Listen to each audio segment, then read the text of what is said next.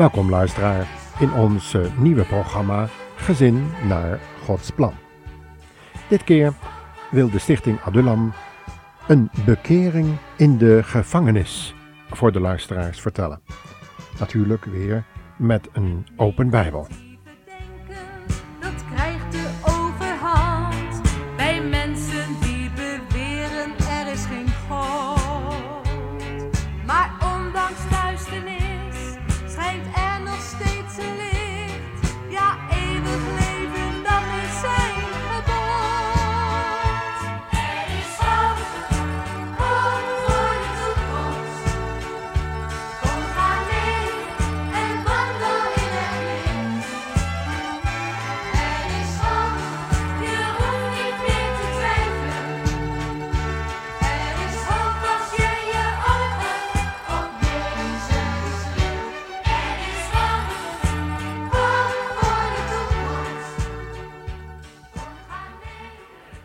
Heeft u wel eens van het verhaal van Jozef gehoord?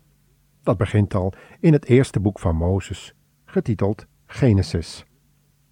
Dat is een heel bijzonder verhaal, want deze Jozef was eigenlijk een soort koningskind, maar die gedegradeerd werd tot slaaf en zelfs in de gevangenis terechtkwam. Ja, en deze Jozef kwam ook in moeilijkheden met zijn werkgever daar. En eh, ook nog in moeilijkheden door dat hij seksuele begeerte van de vrouw van zijn werkgever afwees. En daardoor kwam hij in de gevangenis. Tja, zulke dingen kunnen ook u en mij overkomen, luisteraar.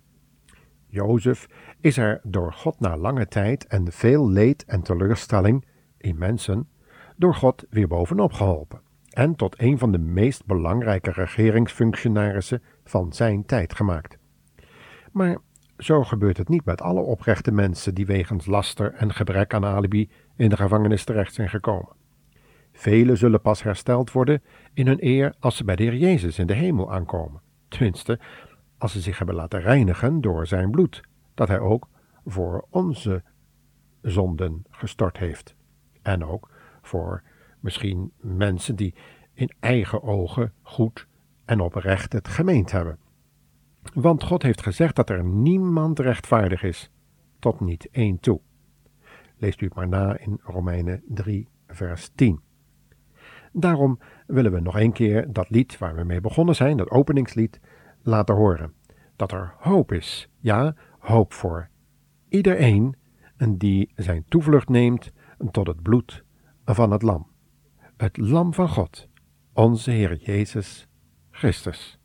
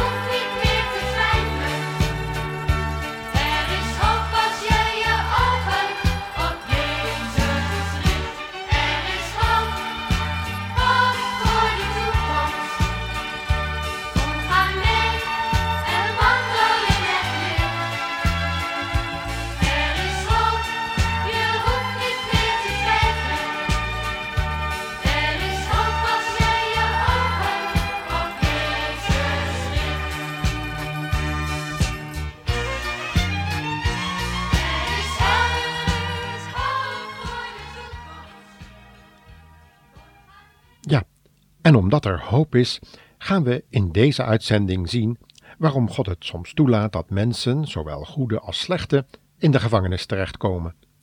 Vooruitlopend op een geschiedenis uit het tweede boek van de Kronieken, waar we de geschiedenis van koning Manasse zullen lezen, wil ik de luisteraar nog graag iets voorlezen uit een rede van een zekere Elihu, een vriend van de u wel bekende Job. Die vrome man die door God aan de Satan werd overgeleverd, zodat hij van zijn vrouw en kinderen beroofd werd. Al zijn bezittingen had deze goede man verloren. En tenslotte leed hij ook nog aan een ernstige en irritante huidziekte. En daaraan dreigde hij bijna te overlijden.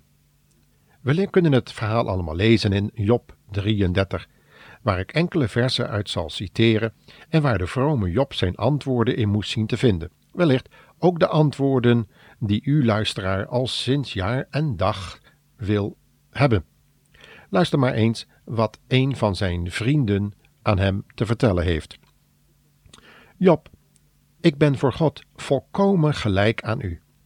Ik ben ook uit de aarde gevormd, net als u. U hoeft niet bang voor mij te zijn.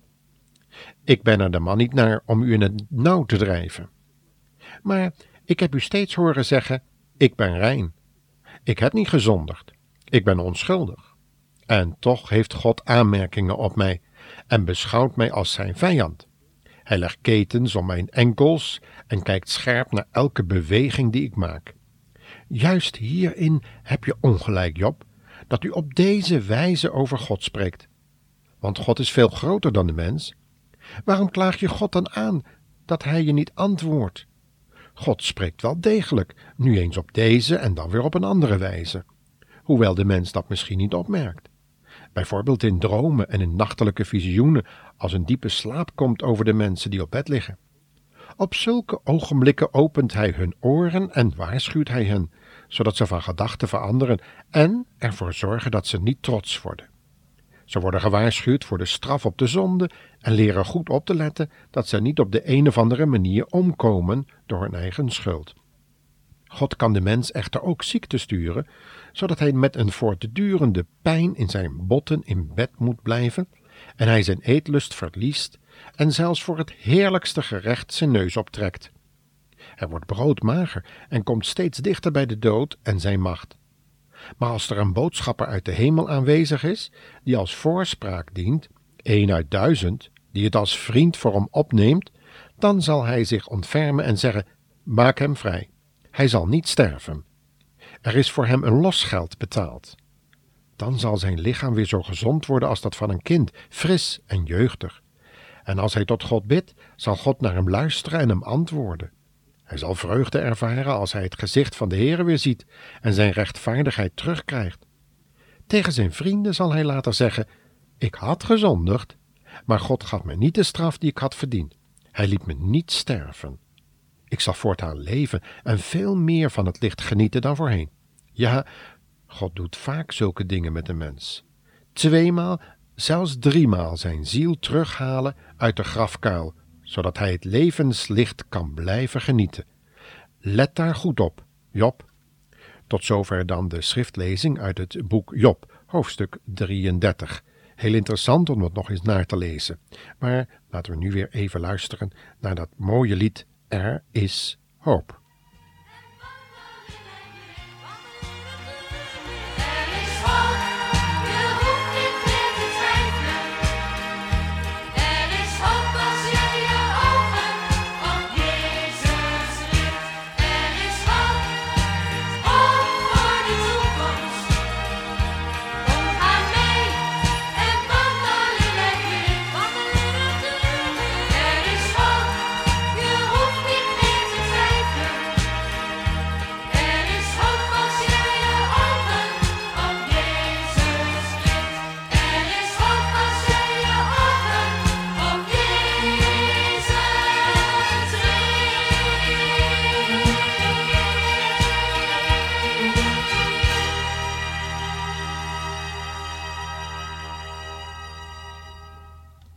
En dat eh, deed Job dan ook.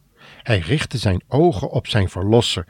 En aan het einde van zijn betoog, toen hij eigenlijk bijna uitgepraat was, zowel tegen zijn vrienden als tegen God, toen zei hij: Ik weet, mijn verlosser leeft. En we zouden daaraan toe kunnen voegen: Let daar nu eens goed op, luisteraar. In dat gedeelte van het betoog van Job. Want alles wat hij is overkomen, kan u en mij ook overkomen. Iemand zei me eens dat die vriend van Job toch niet eh, over Job zelf gesproken kan hebben, maar over een denkbeeldige persoon. waarop ik Job 42, vers 2 tot 6 voor liet lezen, waar Job zijn berouw over zijn innerlijke zonde voor God en mensen beleidt. Precies zoals zijn vriend Elihu hem had voorgehouden. Nee, het is waar wat Paulus reeds in Romeinen 3, vers 10 en hoofdstuk 7, vers 18 had gezegd. Er is niemand rechtvaardig, zelfs niet één. En verderop zegt hij: Ik weet dat in mij, dat is in mijn vlees, geen goed woont. Maar wat heeft dat nou alles eigenlijk met die les van Manasse, die daar in die gevangenis zit, te maken? Laten we nu eens een kijkje nemen in dat tijdperk van de wereldgeschiedenis.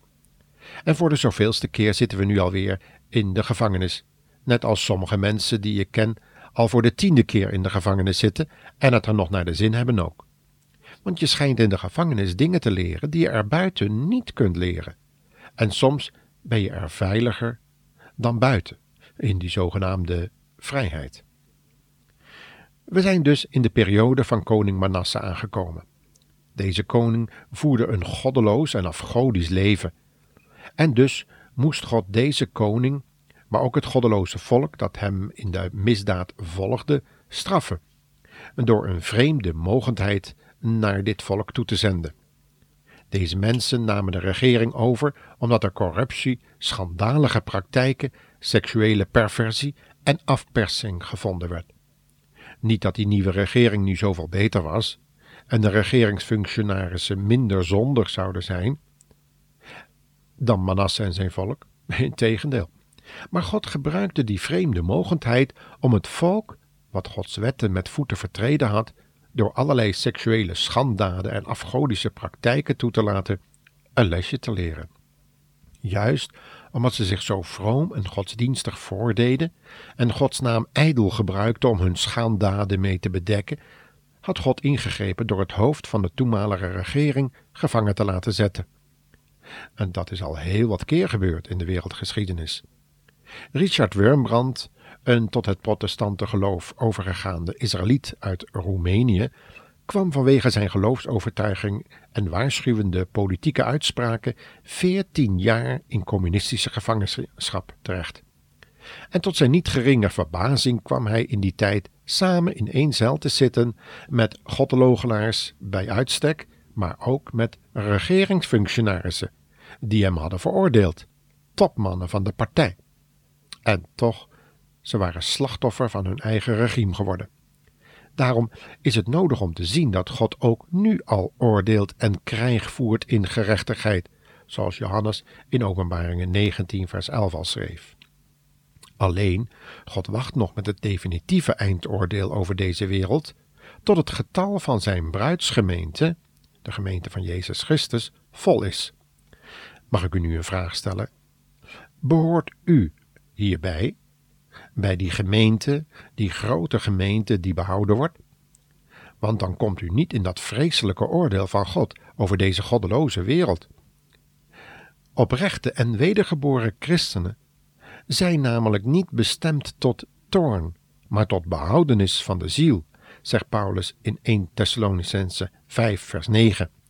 En dan zijn we zeker nu op een punt aangekomen dat we een lofprijzing voor God moeten laten horen.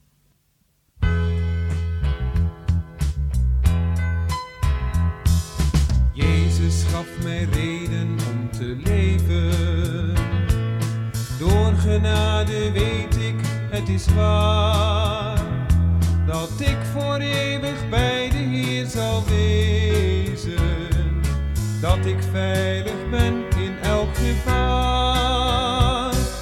Wat een liefde wil de Heer ons geven. Vrede, rust, de kracht om door te gaan. De echte blijdschap. Met mijn Jezus kan ik het leven aan. O Heer Jezus, dank u voor uw liefde. Dank u dat u altijd bij mij bent. Dank u dat ik steeds op u kan bouwen. O dank u dat u steeds dezelfde Ja, en dan nu terug naar die tijd van koning Manasse. En u kunt dat verhaal lezen in 2 Kronieken 33. Daar zien we een onthutste en ontluisterde vorst op de stenen vloer zitten, geboeid met twee koperen ketenen en kennelijk omringd door doornige takken, die hem verwonden met iedere beweging die hij maakt. U kunt het lezen in 2 Kronieken 33 vers 11. In die tijd hadden ze niet zo'n luxe hotel zoals we dat hier op Koraal Specht op de Antillen hebben. Maar waren de cellen holle ruimtes, vaak uit steenrotsen gehouwen en zonder licht. Het enige licht dat er binnenkwam was dat van de toorts van een bewaker die af en toe eten en drinken kwam brengen, als dat al gedaan werd. Op brood en water, zei men vroeger als iemand iets misdaan had, en zo ging dat toen ook. Nee, een pretje of tijdelijke buitendienststelling was het niet voor deze vorst. Hij had massaal abortus laten plegen, toestemming voor gegeven, notabene met een religieus tintje eraan, dat het was om de goden tevreden te stellen en zo. En ook omdat je het in zo'n moeilijke tijd toch niet kon maken om kinderen te laten geboren worden. De hele gebruikelijke godsdienst was in zijn dagen door hem aangepast aan de eisen van het wellustige en overspelige volk. Ook hij zelf hield het met vele vreemde vrouwen en ging het volk voor in het bedrijven van allerlei magie, gepaard met ontucht. Soms om naijverige mensen in zijn regering te manipuleren of uit te schakelen. En dat is nu juist iets wat we steeds weer achter de coulissen zien gebeuren. Laatst nog, tijdens een counselinggesprek met een bedroefde en in de steek gelaten echtgenote, hoorde ik van deze occulte praktijken. Liefdesdranken worden er nog steeds bereid, evenals de zeven geestendrankjes aan het einde van elk jaar, zogenaamd om de boze geesten uit het huis en het oude jaar uit te drijven. Anderen doen het met veel geknal en gedrink, en weer anderen brengen een offer aan God of aan een of andere patroonheilige, om toch vooral, en misschien boze Jezus die ergens in de hemel zit, en om die tevreden te stellen. Dat dit niet de Heer Jezus van de Bijbel kan zijn, zal de oplettende luisteraar inmiddels wel begrepen hebben. Maar hoe is het nu met die goddeloze koning Manasse afgelopen? Kwam hij tot berouw en inkeer? Dus tot bekering?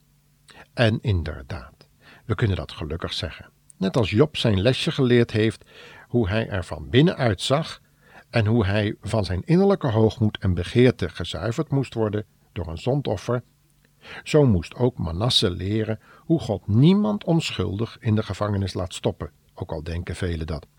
Altijd is er wel iets te leren van Gods genade en zijn plannen en gedachten. En zo ook Gods plannen met deze goddeloze koning, die toch een godvruchtige vader had gehad. Effen, Manasse komt in de gevangenis tot geloof en overgave. En hij beleidt openlijk zijn verkeerde daden van occultisme, hoererij, drankzucht en verslaving, bedrog en kindermoord en krijgt een nieuw begin. Nee, het volk wil niet meer naar hem luisteren en blijft offeren op de plaats waar God dat verboden had. En de geestelijkheid neemt hem niet erg serieus en houdt hem op een afstand. Maar God had vergeving geschonken, zoals David dat ook ervaren had. En God wil dat ook aan u geven, luisteraar. Wat u ook misdaan heeft, dat is de verblijdende boodschap die God ook vandaag via deze uitzending aan u wil geven. Het heeft een beetje langer geduurd dan gebruikelijk deze uitzending. We zijn een paar minuten over tijd, maar daarom niet getreurd. Deze paar boodschappen van die laatste gevolgen van bekering, die zijn de moeite waard om door u opgenomen te worden. Buig uw knieën, beste luisteraar. En geef net als Manasse, in welke omstandigheden u ook bent, uw hele leven maar in zijn hand. En God zal u zeker nieuwe hoop en een nieuwe toekomst geven. Om je geeft. Als je Hem aanvaardt als Heer en als je redder, dan zul je zelf ervaren dat Hij leeft.